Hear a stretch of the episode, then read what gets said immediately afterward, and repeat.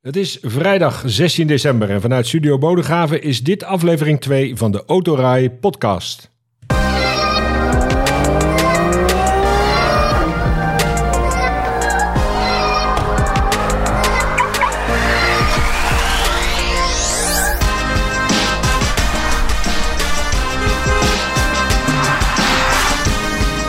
De Autorij podcast is de talkshow over auto's, autonieuws, actualiteiten, eigenlijk alles over auto's en mobiliteit, direct of indirect verbonden met auto's. En dat doen we altijd met gasten aan tafel. In dit geval weer twee vaste gasten, Max eh, Veldhuis en Nail van Leeuwen, allebei van de autoredactie van Autorij.nl.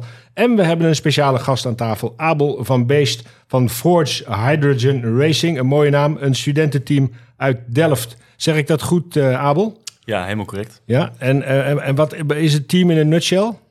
Een team van eh 65 gemotiveerde studenten van de TU Delft die de snelste waterstofraceauto in de wereld bouwen. Nou, daar gaan we het straks eh, uitgebreid over hebben. We gaan eerst even kijken naar wat minder leuk nieuws. Dat stond op autorij.nl, geplaatst in begin december eigenlijk. En dat stond bij gemiddelde aanschafprijs van nieuwe personenauto's in 2022. Dat is best even schrikken, nou, stond erbij. Ja, dat klopt. Want eh, ja, weet je, het gaat de laatste tijd toch steeds vaker over het feit dat we mobiliteit eh, betaalbaar moeten houden. Zeker ook voor de, ja, de, de, de, de midden- en lagere inkomens. Maar als je dan een beetje kijkt naar eh, ja, de, de gemiddelde prijs van een nieuwe auto. en de gemiddelde aanschafwaarde van een nieuwe auto. Dan zien we een beetje tegenovergestelde. Uit, eh, op basis van de, de meest recente cijfers van RDC en BOVAG blijkt namelijk dat de gemiddelde aanschafprijs in 2022, hou je vast, ligt op 43.072 euro. Ik heb het niet liggen. Ja, maar dat is gemiddeld dus van alle eh, auto's op allerlei verschillende brandstoffen. Hè? Want Ik heb zo'n staatje ook gezien en dat ziet er inderdaad eh, indrukwekkend uit. En dat is dan vergeleken met bijvoorbeeld 2017. Nou, ten opzichte van 2017 eh, is eh, de gemiddelde aanschafwaarde met maar liefst 36% toegenomen. In 2017, vijf jaar geleden, lag de gemiddelde prijs nog op 31.499 euro. Ja. Zo zie je maar dat in vijf jaar tijd de gemiddelde aanschafprijs gigantisch kan toenemen. Eh, als, om je nog een voorbeeldje te geven, in 2000, dat is dan wat langer geleden, dat was de gemiddelde aanschafprijs van een nieuwe personenauto in Nederland 19.367 euro. Ja, dat is Dus- wel een verschil met nu. Hè? Want eh, eh, ik heb hier een staatje voor mijn neus. Er staat een benzineauto, dat is afgerond 33.000 nu. En jij met 19 is dan het gemiddelde van alle brandstoffen. Gemiddeld van alles bij elkaar is Ja. natuurlijk in 2000, hè, dus dat je de hele elektrificatie was toen nog niet aan de orde. Maar gemiddeld, de, de aanschafprijs van een elektrische auto ligt op 51.000, ruim 51.000 euro. Ja, en dat is eigenlijk nog veel te hoog. Wil je elektrisch kunnen rijden in Nou ja, dit is natuurlijk gewoon het perfecte voorbeeld over hè, als we het hebben over moeten mobiliteit eh, betaalbaar houden, of betaalbaar maken. En we willen tegelijkertijd vergroenen. Eh, dus er moeten steeds meer elektrische auto's op de Nederlandse wegen komen. En je ziet dat een, de gemiddelde aanschafprijs van een nieuwe elektrische auto in Nederland meer dan 50.000 euro kost. Ja, dan moet er wel op korte termijn echt wel iets gaan gebeuren met die prijzen.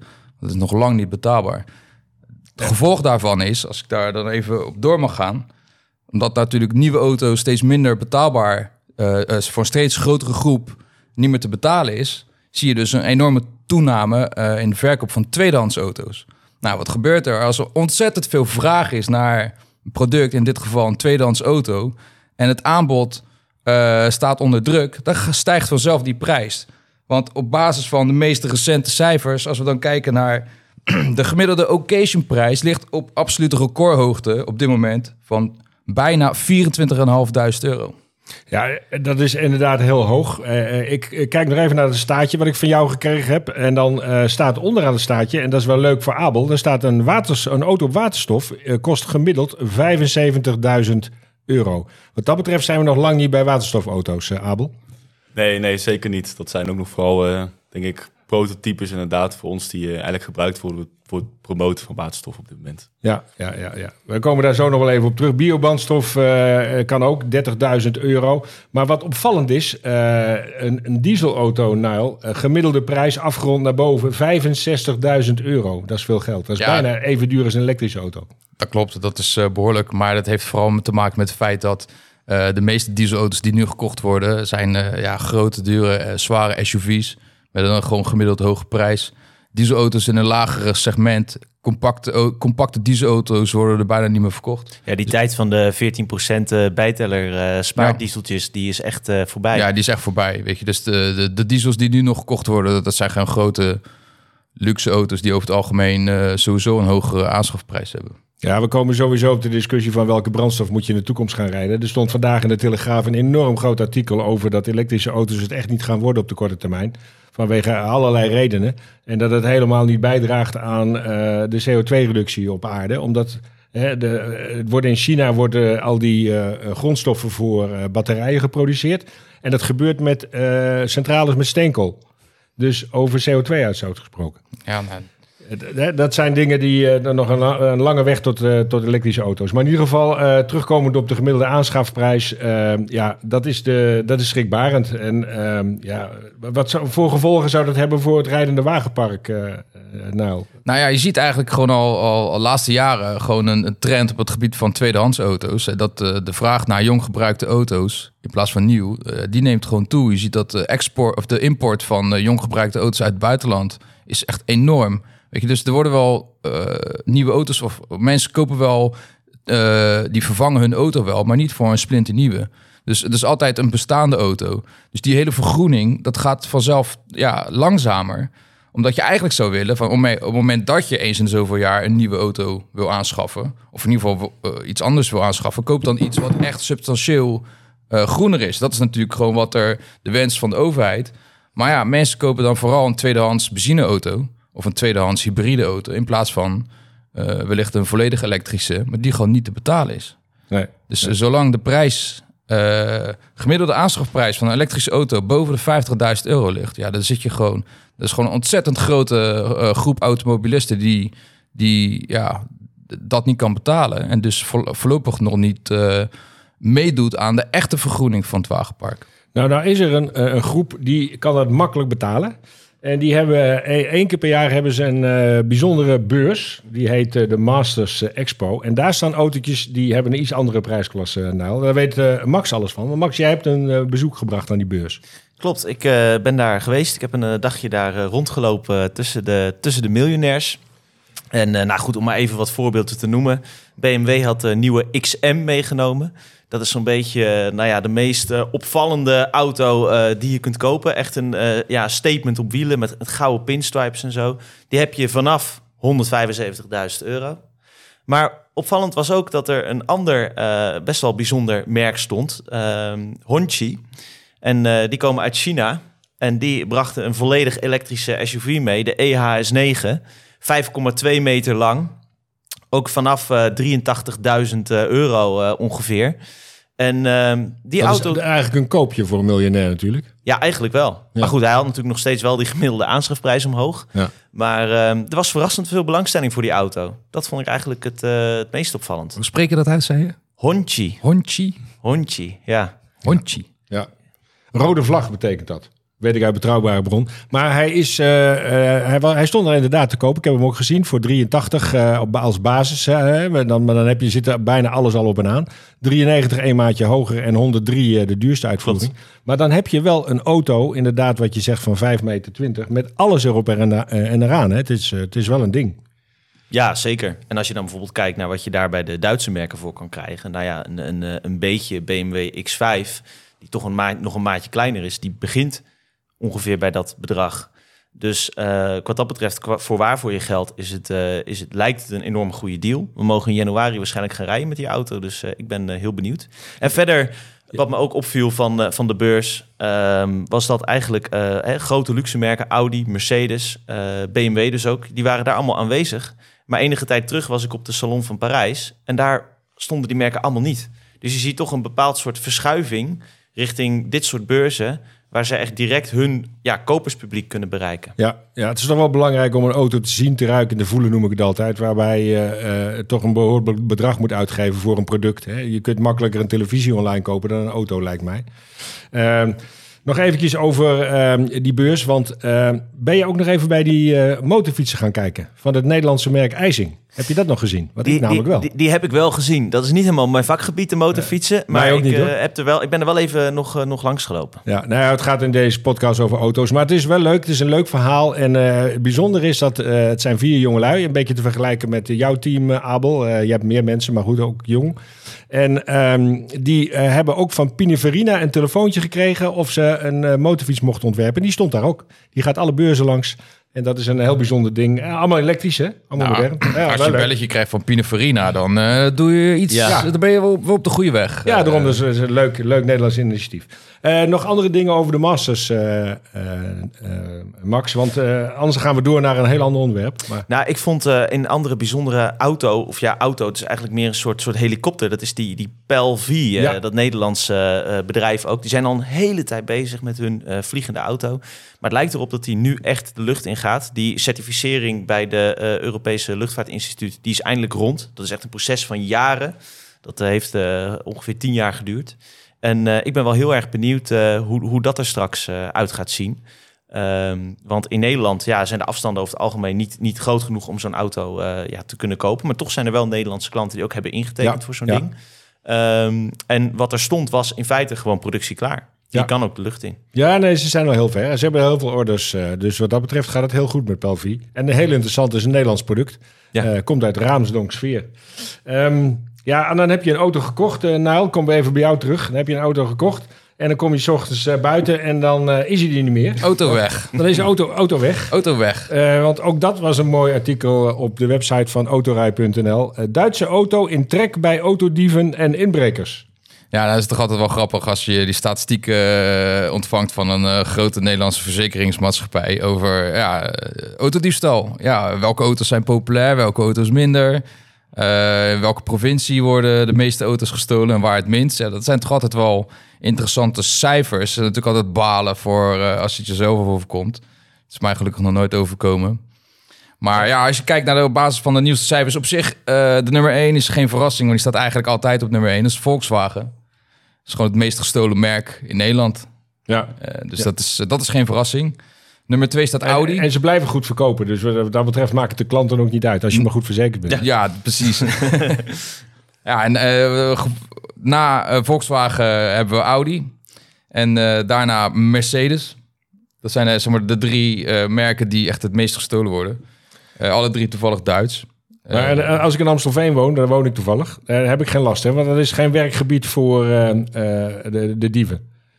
Of, of ook wel? Wordt die daar ook gestolen? Mm, ja, die kans is zeker aanwezig. Oh. Eh, laat ik zo zeggen dat eh, eh, er is in ieder geval iets minder kans dan in Limburg. In Limburg worden de meeste auto's gestolen. Ja? Ja, in aantallen. Dat is op zich ook geen verrassing, want uh, dat er ben natuurlijk wel relatief snel de grens over naar het buitenland. Oh, dat is het. Ja, ja. En je hebt provincie Zuid-Holland en, eh, en Noord-Brabant die daar, eh, ja, het is een beetje hetzelfde niveau qua, qua diefstalrisico. En dan heb je ook nog te maken met inbraak. Is natuurlijk ook een, een, eh, een, eh, ja, wat meespeelt. Eh, dieven kunnen natuurlijk proberen in te breken. Soms lukt dat. Soms lukt het niet om de auto te stelen, maar is wel ingebroken. Misschien iets uit je auto gestolen. Dan is de provincie Utrecht de provincie waar je het meest moet uitkijken als het gaat om inbraakrisico. Heb je ook nog in het lijstje het merk Porsche staan? Hoe snel dat gestolen wordt of niet? Of eh, dat weet je niet zo uit je hoofd? Dat weet ik Nee. niet in mijn hoofd, maar Nee. die staat eh, in ieder geval niet, eh, Niet in, de, top 5. Nee, Nee, niet in de top. Wat wel grappig is om te vermelden zijn de, min, de, de automerken die het, het minst in trek zijn bij de autodieven. Ja, vertel eens. Nou ja, om te beginnen bijvoorbeeld Hyundai. Ja? is ja, niet in trek.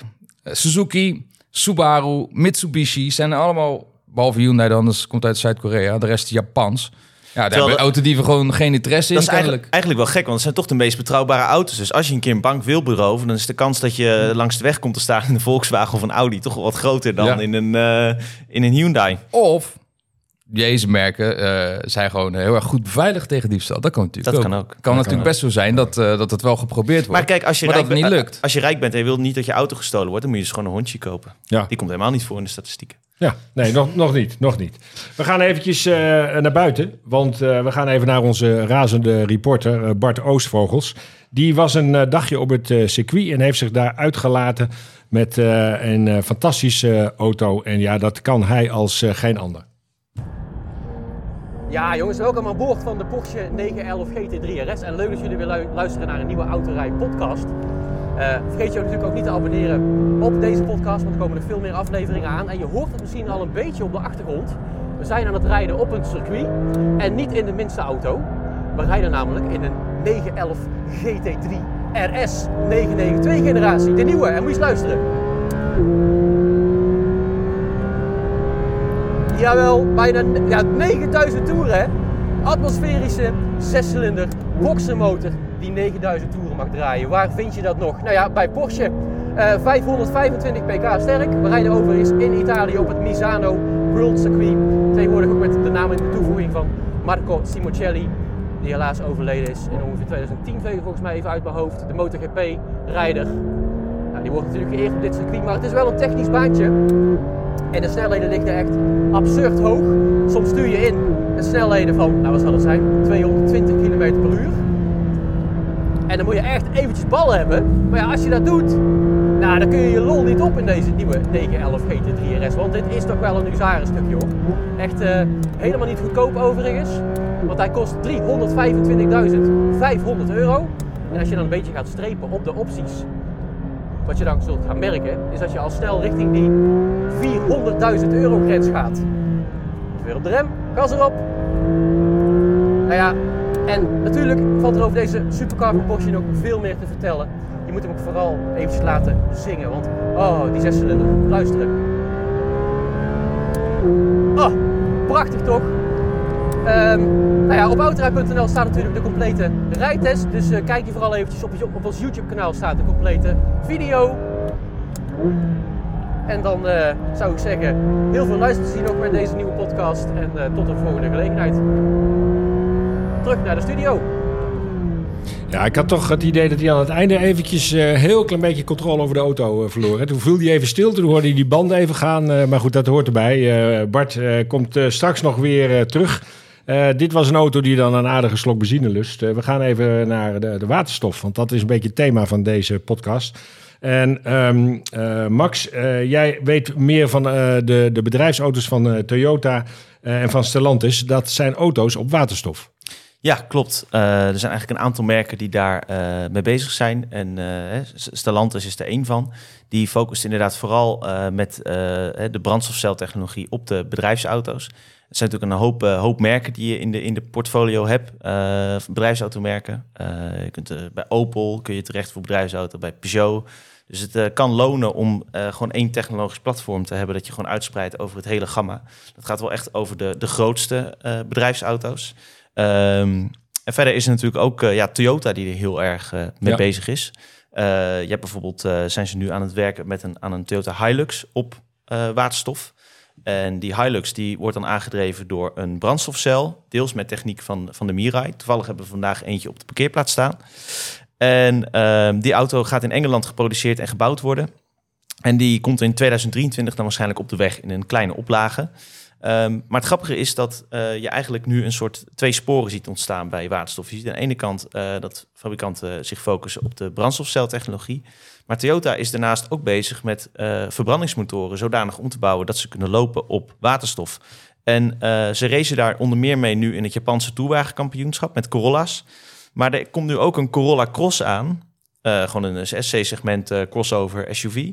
Die dan een eh, verbrandingsmotor hebt. Dat is de 1,6 liter 3-cilinder turbo uit de Toyota GR Corolla. En die is dan omgebouwd naar waterstof. En ja, dan kun je dus gewoon ja, waterstof tanken en duurzaam rijden. Wel met je verbrandingsmotor. Ehm, maar ik was eigenlijk wel even benieuwd, eh, Abel. eh, want jullie zitten natuurlijk met Forza echt op de brandstofceltechnologie. Ehm, wat, wat vind je van die eh, waterstof in combinatie met de verbrandingsmotor? Denk je dat dat een, een, een concept is dat op termijn werkbaar kan zijn? Of heb je zoiets van Toyota, je kunt er maar beter gewoon direct mee stoppen?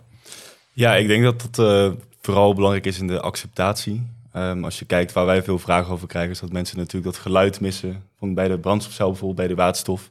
Als je kijkt naar Formule 1 willen ze het natuurlijk toe in 2030 naar eh, zero emissions. En dan missen mensen toch vaak dat geluid. Wij produceren geen geluid met onze raceauto. Eh, en daar is die ehm, verbranding toch nog wel interessant. Dus eh, sowieso daarin wel, denk ik, ja. ja. Maar jullie kijken dus wel zeker naar de hedendaagse auto's, wat zij allemaal doen met waterstof. Daar kijken jullie met jullie team ook wel naar. Qua techniek, qua het on- ontwikkelen of... Ja, ja, eigenlijk alles wat zij met waterstof doen. Ehm, ja, daar kijken we zeker naar. Maar wij zijn als team ook echt frontrunners van die technologie. Dus eh, wat wij doen en ontwikkelen, doen wij allemaal helemaal zelf. En we zijn echt de voorlopers daarin. En daar kijken we bijvoorbeeld met onze partner Hyundai heel erg naar eh, die techniek. En daar zijn zij ook heel geïnteresseerd in onze data natuurlijk. Wij opereren op hele hoge setpoints. Eh, dus bijvoorbeeld een partnership daarmee is dus dat we inderdaad, zij kijken eh, naar onze data. En dat zij ons helpen bijvoorbeeld met het testen. Ja, het is precies andersom. Ja. Niet dat jullie eh, zeg maar, de ontwikkelingen van een groot automerk eh nauwlettend volgen, maar die automerken die volgen jullie Ja, nauwlettend. ja, precies. Ja, Ja. We hebben 16 jaar al aan kennis in de waterstoftechnologie. En het auto, we zijn echt van een go-kart naar een LMP2-type raceauto gegaan. Dus daarin is onze IP, onze intellectual property ook heel erg belangrijk natuurlijk. Ja, we komen zo nog eventjes op, eh, op jullie team uitgebreid. Eh, nog even over het onderwerp eh, wat we met Max aan het bespreken zijn. Ehm, eh, als je dan waterstofauto wil rijden, dan moet je ook kunnen tanken in, eh, in Nederland. Dat is nog heel beperkt, hè? Ja, zeker op dit moment, als ik het goed heb, zijn er negen tankstations in, eh, in Nederland. Dus dan zie je dat er inderdaad nog grote ehm, eh, moeilijkheid met waterstof is, is die infrastructuur. Wij doen het op dit moment, tanken wij gewoon onze, onze raceauto bij Shell in, in Den Haag. Maar daarna zie je dat heel erg moeilijk is, vooral als je een Toyota Mirai hebt bijvoorbeeld, eh, om daar eigenlijk mee rond te rijden door Nederland. Ja. Maar mag ik even een vraagje stellen? Want Ja, jullie dat tanken je racewagen in Den Haag bij Shell. Ja, klopt. Moet je dan elke keer met die racewagen naar het tankstation? Die staat op een aanhanger. Hoe Ja, werkt ja, dat? ja, precies. eh, precies waar? zo. Ja, ja, wij eh, zetten hem in onze trailer. We rijden hem naar het tankstation en net zoals Ja. elke auto tanken we hem gewoon. Ja. Ik ga nog even terug naar eh, Max, want eh, we hadden het over merken die eh, met waterstof bezig zijn.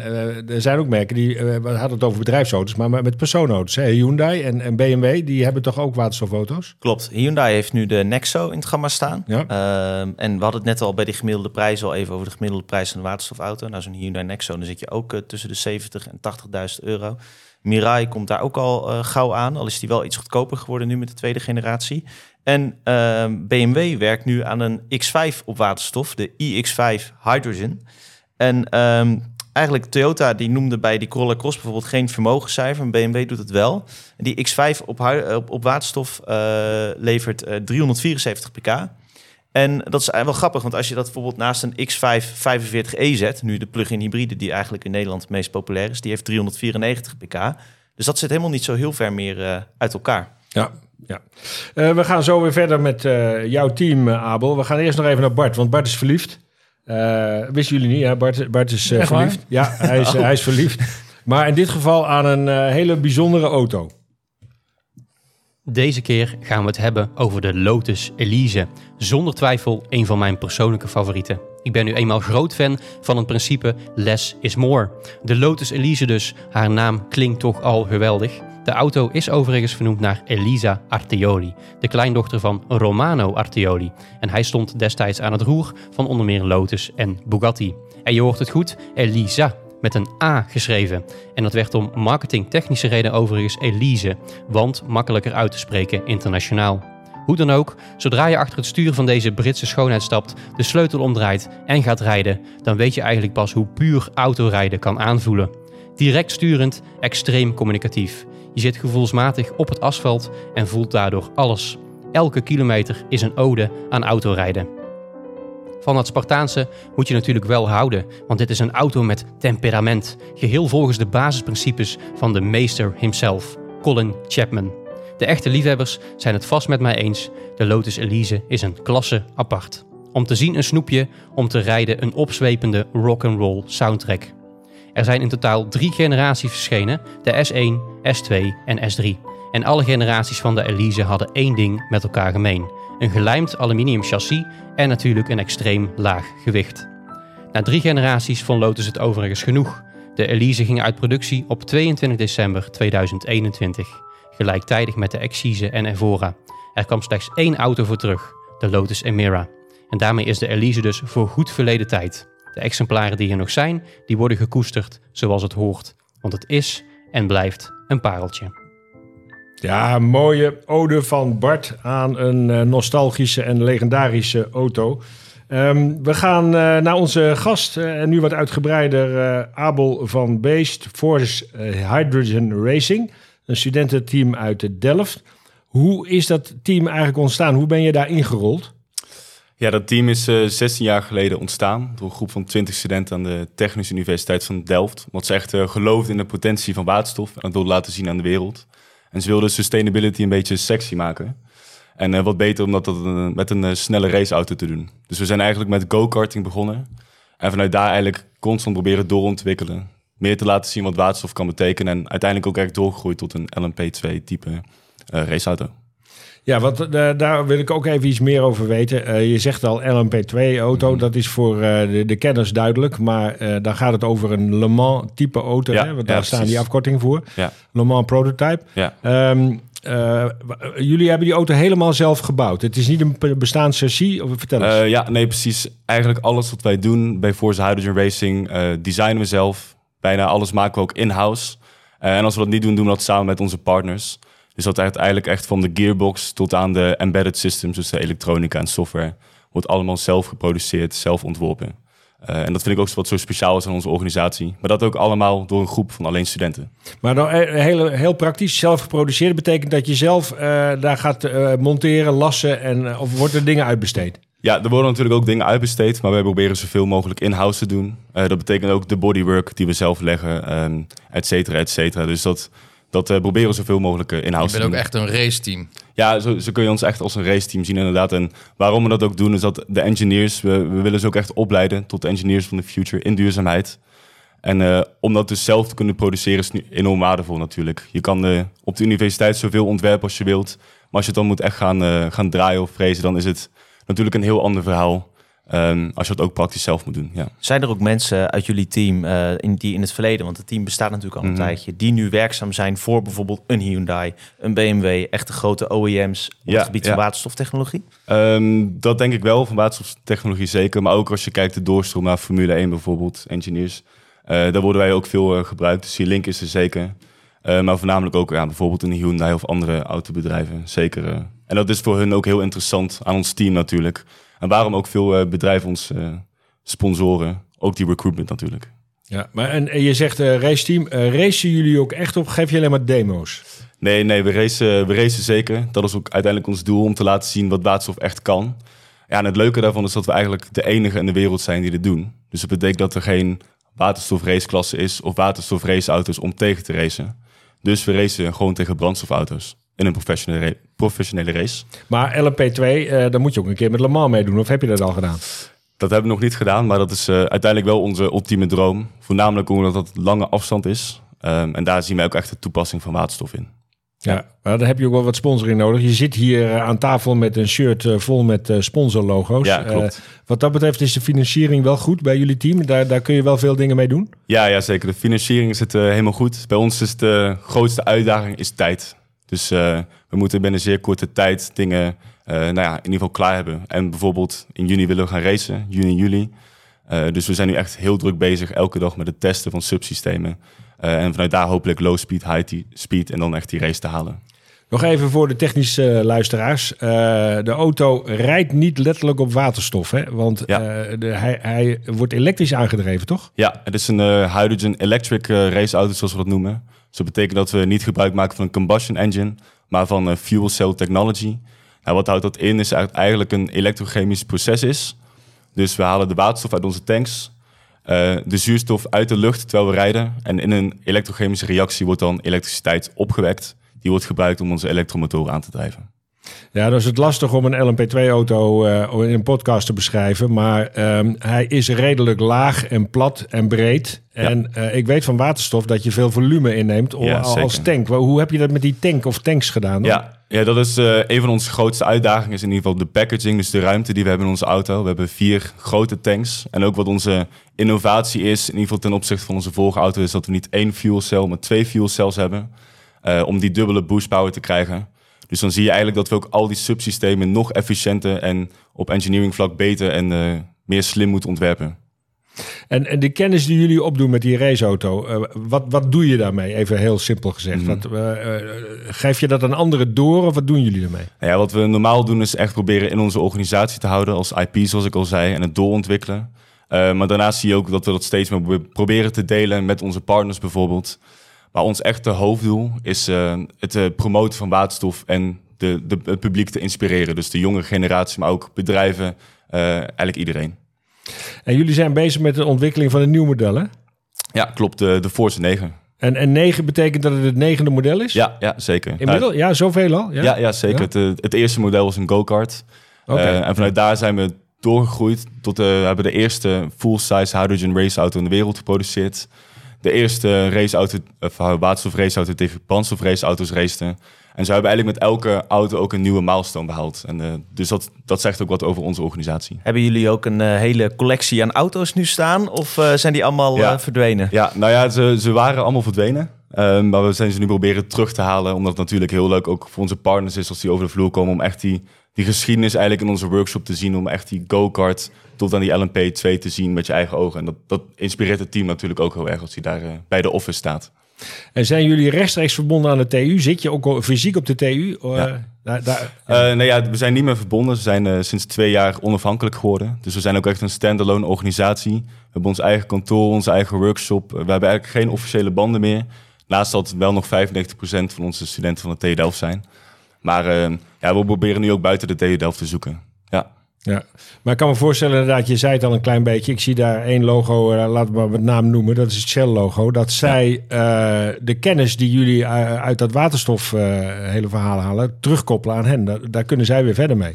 Eh, nou ja, dat ligt er heel erg aan per partner. Ik denk dat dat bij Shell net wat anders ligt. Ehm, bij heel veel, zoals ik zei, de ene gebruikt voor visibility, de andere voor technische kennis, de andere voor recruiting. Ehm, of de andere gebruikt het voor echt puur components, dus de parts die wij met hun delen. Eh, waar zij dan ook weer kunnen laten zien hoe hun, hoe hun, hun onderdelen presteren in onze auto, zeg maar. Dus er zijn heel veel verschillende opties eh, qua partnering bij ons. En ben, en ben jij eh, hier ingerold omdat je altijd al gek bent van auto's? Nou ja, ik ben hier ingerold. Ik ben teammanager dit jaar. Dus dat betekent dat ik end responsible ben voor het project. Ehm, ik heb wel altijd in auto's heel interessant gevonden. Ik ben niet echt een autogek. Maar ik vind vooral het duurzame aspect eraan in combinatie in de technische wereld heel interessant. En dan daarmee ook eh, de visie uit te dragen. En je hebt het over duurzame aspecten, wat, wat jou zo boeit. Eh, als je kijkt naar de personenauto's, dan is er echt een duidelijke keuze gemaakt. Eh, dat gaat allemaal richting batterij elektrisch. Ja. We weten dat er natuurlijk ontzettend ontwikkeling gaande is op het gebied van waterstof hè, voor personenauto's. Ja. Waarom? wa- wat is volgens jou het voordeel van, van om op waterstof te rijden ten opzichte van een batterij elektrische die je moet opladen? Ja, precies. Eh, nou ja, wat we eigenlijk zien eh, is dat elektriciteit voor particulieren heel interessant is in de auto en eigenlijk ook de beste optie. Voornamelijk omdat de infrastructuur al ligt. Als je kijkt naar waterstof, ga je echt naar lange afstand toepassingen, zware industrie, hevige transport. Dus denk vooral aan eh, vrachtwagens, schepen, vliegtuigen, eh, bussen. Dus wat ik eigenlijk zie in de toekomst, dat we eerst daar naartoe bewegen, doorbewegen. En vanuit daar steeds meer echt de particuliere eh, sector Ja. ingaan wat betreft de personenauto's. Maar die infrastructuur, die was er tien jaar geleden nog niet. En toen Nee. is er een keuze gemaakt van we kiezen voor batterij-elektrisch. Ja. En we kiezen niet eh, voor, je ziet dan het aantal Ja. waterstoftankstations Mhm. dat er überhaupt eh, gebouwd is. Dus toen werd er al een keuze gemaakt. Ja. Waarom hadden zij toen niet gewoon voor waterstof moeten kiezen? Ja, dat is een eh, vraag die ik me soms ook afvraag. Ja, inderdaad. nee, maar, maar nee, vertel, ja, wat- precies. het heeft natuurlijk wel heeft bepaalde voor- en nadelen. Ja. Maar Nou ja, wat, wat je ziet is dat de overheid nu heel erg inzet op elektrificatie van alles. Ehm, eigenlijk niet met een hele goede reden, want we zien dat het elektriciteitsnetwerk nu al redelijk vol begint raken. Bijvoorbeeld in Limburg en Brabant kunnen bedrijven zich niet meer aansluiten op het elektriciteitsnet. Terwijl we wel eigenlijk volledig op die elektriciteit willen. Ehm, en dan zie je bijvoorbeeld dat die capaciteit van het gasnetwerk wat we nu hebben 15 keer zo groot is. Eh, dus wat je kan zien is dat als we van het gas, af, al- gas afgaan, dat we de hele infrastructuur eigenlijk voor waterstof kunnen gaan gebruiken. Met best wel kleine adaptaties helemaal omzetten naar waterstof. En daar zie ik ook een enorm groot voordeel in, eh, wat betreft waterstof. Maar die weg is natuurlijk nog best wel, sorry eh, dat ik even... Ja. Maar die, die weg is best wel lang, want nu wordt een heel groot deel van de waterstof volgens mij nog steeds geproduceerd met aardgas, toch? Grijze zeker. waterstof. Ja, ja, en in alle eerlijkheid, inderdaad wordt, ik denk nog 90 of 95 procent van de waterstof opgewekt door fossiele brandstoffen. Maar wij kijken natuurlijk naar de toekomst waarin we verwachten en zien dat alles opgewekt door duurzame energie. En dan gaan we ook echt naar groene waterstof toe. En dat is ook, ook, uiteindelijk het doel. Maar wat je zegt is, die infrastructuur ligt er nog niet. Dat klopt. En wat we daar echt voor nodig hebben, is de overheid die daarop inspringt. En grote bedrijven, maar ook projecten zoals wij. Dus echt al die verschillende onderdelen die samenkomen. Dat zag je ook bij windenergie eh, 15 of 20 jaar geleden. Dat was ook enorm duur. Door eh, subsidiëring is dat er natuurlijk veel goedkoper geworden. En nu gewoon een goede markt voor. Maar wat je ook ziet, is laatste- dat, er, laatste vraag, dat er vooral, nou ja, het kost natuurlijk ontzettend veel energie om uba- waterstof überhaupt te maken. Hè? Dat is natuurlijk ook een reden waarom, eh, eh, je hebt natuurlijk altijd voor- en tegenstanders. Eh, er wordt vaak gezegd van ja, waterstof eh, voor het wegverkeer. Weg. Ja, het kost zo ontzettend veel eh, energie om het überhaupt te produceren. En dat is natuurlijk ook... eh, maar goed, Ja. jij, het is jouw vakgebied. Jij, je hebt ontzettend technische kennis. Dus er zitten natuurlijk ook Ja. ontzettend veel voordelen aan. Ja, zeker. met betrekking tot dat, dat racen. Ja, nou ja, vooral wat je daarin ziet is de opslag eh, van, van, die, van die elektriciteit. Omdat er een overmaat van duurzame energie geproduceerd wordt, ga je dus zien dat die ergens moeten op, opgeslagen worden. En een batterij is dat enorm duur, enorm moeilijk. En je ziet dat waterstof opslaan 100 keer zo goedkoop is. Dus je kunt al die enorme hoeveelheid energie veel makkelijker opslaan. Eh, en dan eigenlijk zie je dat ook het opslagprobleem van elektriciteit later gaat oplossen. Ik heb nog eventjes eh, als afsluitende vraag, eh, toch nog één. Ja, nou, maar ik doe nog één ja, vraag. ja, dat is ontzettend al een interessant onderwerp. Dus, eh, Nee, maar ja, daarom, het ik heb nog ook- heel veel vragen te stellen. Ja, maar, Ja, zeker. maar De we, zit- zitten tegen het einde van onze podcast. Eh, nog een afsluitend vraagje. ehm, eh, want ik kom even terug op die tanks en het feit Ja. dat waterstof nog behoorlijk eh, explosief is. Ja. Eh, wat gebeurt er met jullie auto als je daar een stevige crash mee hebt? Eh, maar met de auto niet heel veel goeds. Maar met de tanks blijft hij eigenlijk eh, volledig heel. Die zijn volledig gedesigned dat die enorm veel kunnen hebben. En dat is ook eigenlijk onze uitdaging. Ze zijn enorm zwaar. Ze opereren onder 700 bar. Wat eh, heel veel is. Maar wat je eigenlijk ziet in het, in het, het geval dat die breekt... is het zo ontworpen dat een hele kleine scheur ontstaat. En omdat waterstof zo vluchtig is... kunnen die heel gecontroleerd uit de auto laten. Dus aan de achterkant. Het enige wat we krijgen is een kleine steekvlam...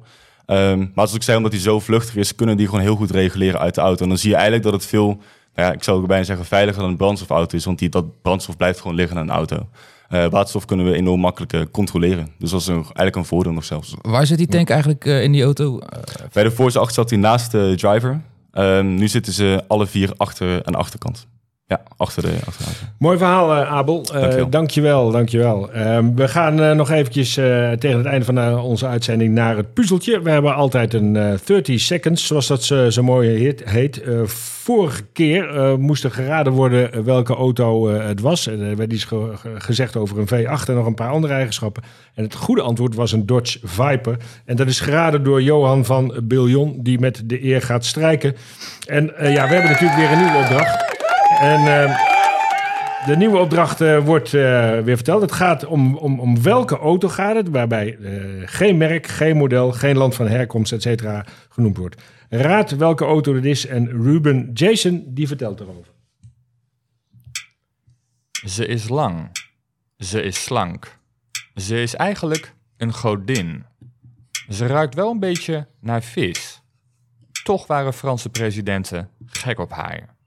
Haar achterlichten lijken op een zakje friet en het rempedaal op een champignon. Ze kan tot de bodem zakken, maar ook grote hoogtes bereiken. Ze was meteen een hit en nu is ze een icoon. Ze leeft nog steeds, maar niet meer als een model. Ja, die moeten raden zijn, eh, mannen. Vinden jullie ook niet? Die moeten raden zijn. En eh, als je het goede antwoord weet, stuur het naar podcast.autorij.nl. En volg Autorij natuurlijk op de site, op Facebook, Instagram en YouTube. En laat, als je dat wilt, een review achter op datzelfde mailadres. Ik dank eh, onze gasten hier, met name Abel van Beest. Dank dat je hier was, dankjewel. namens het team. Eh, Max Veldhuis, Nile van Leeuwen, dank voor jullie bijdrage. Graag gedaan. Ja, Graag en dit was het eh, voor nu. Uh, Podcast.autorij.nl is ons adres. Rij veilig en geniet van al het moois op de weg.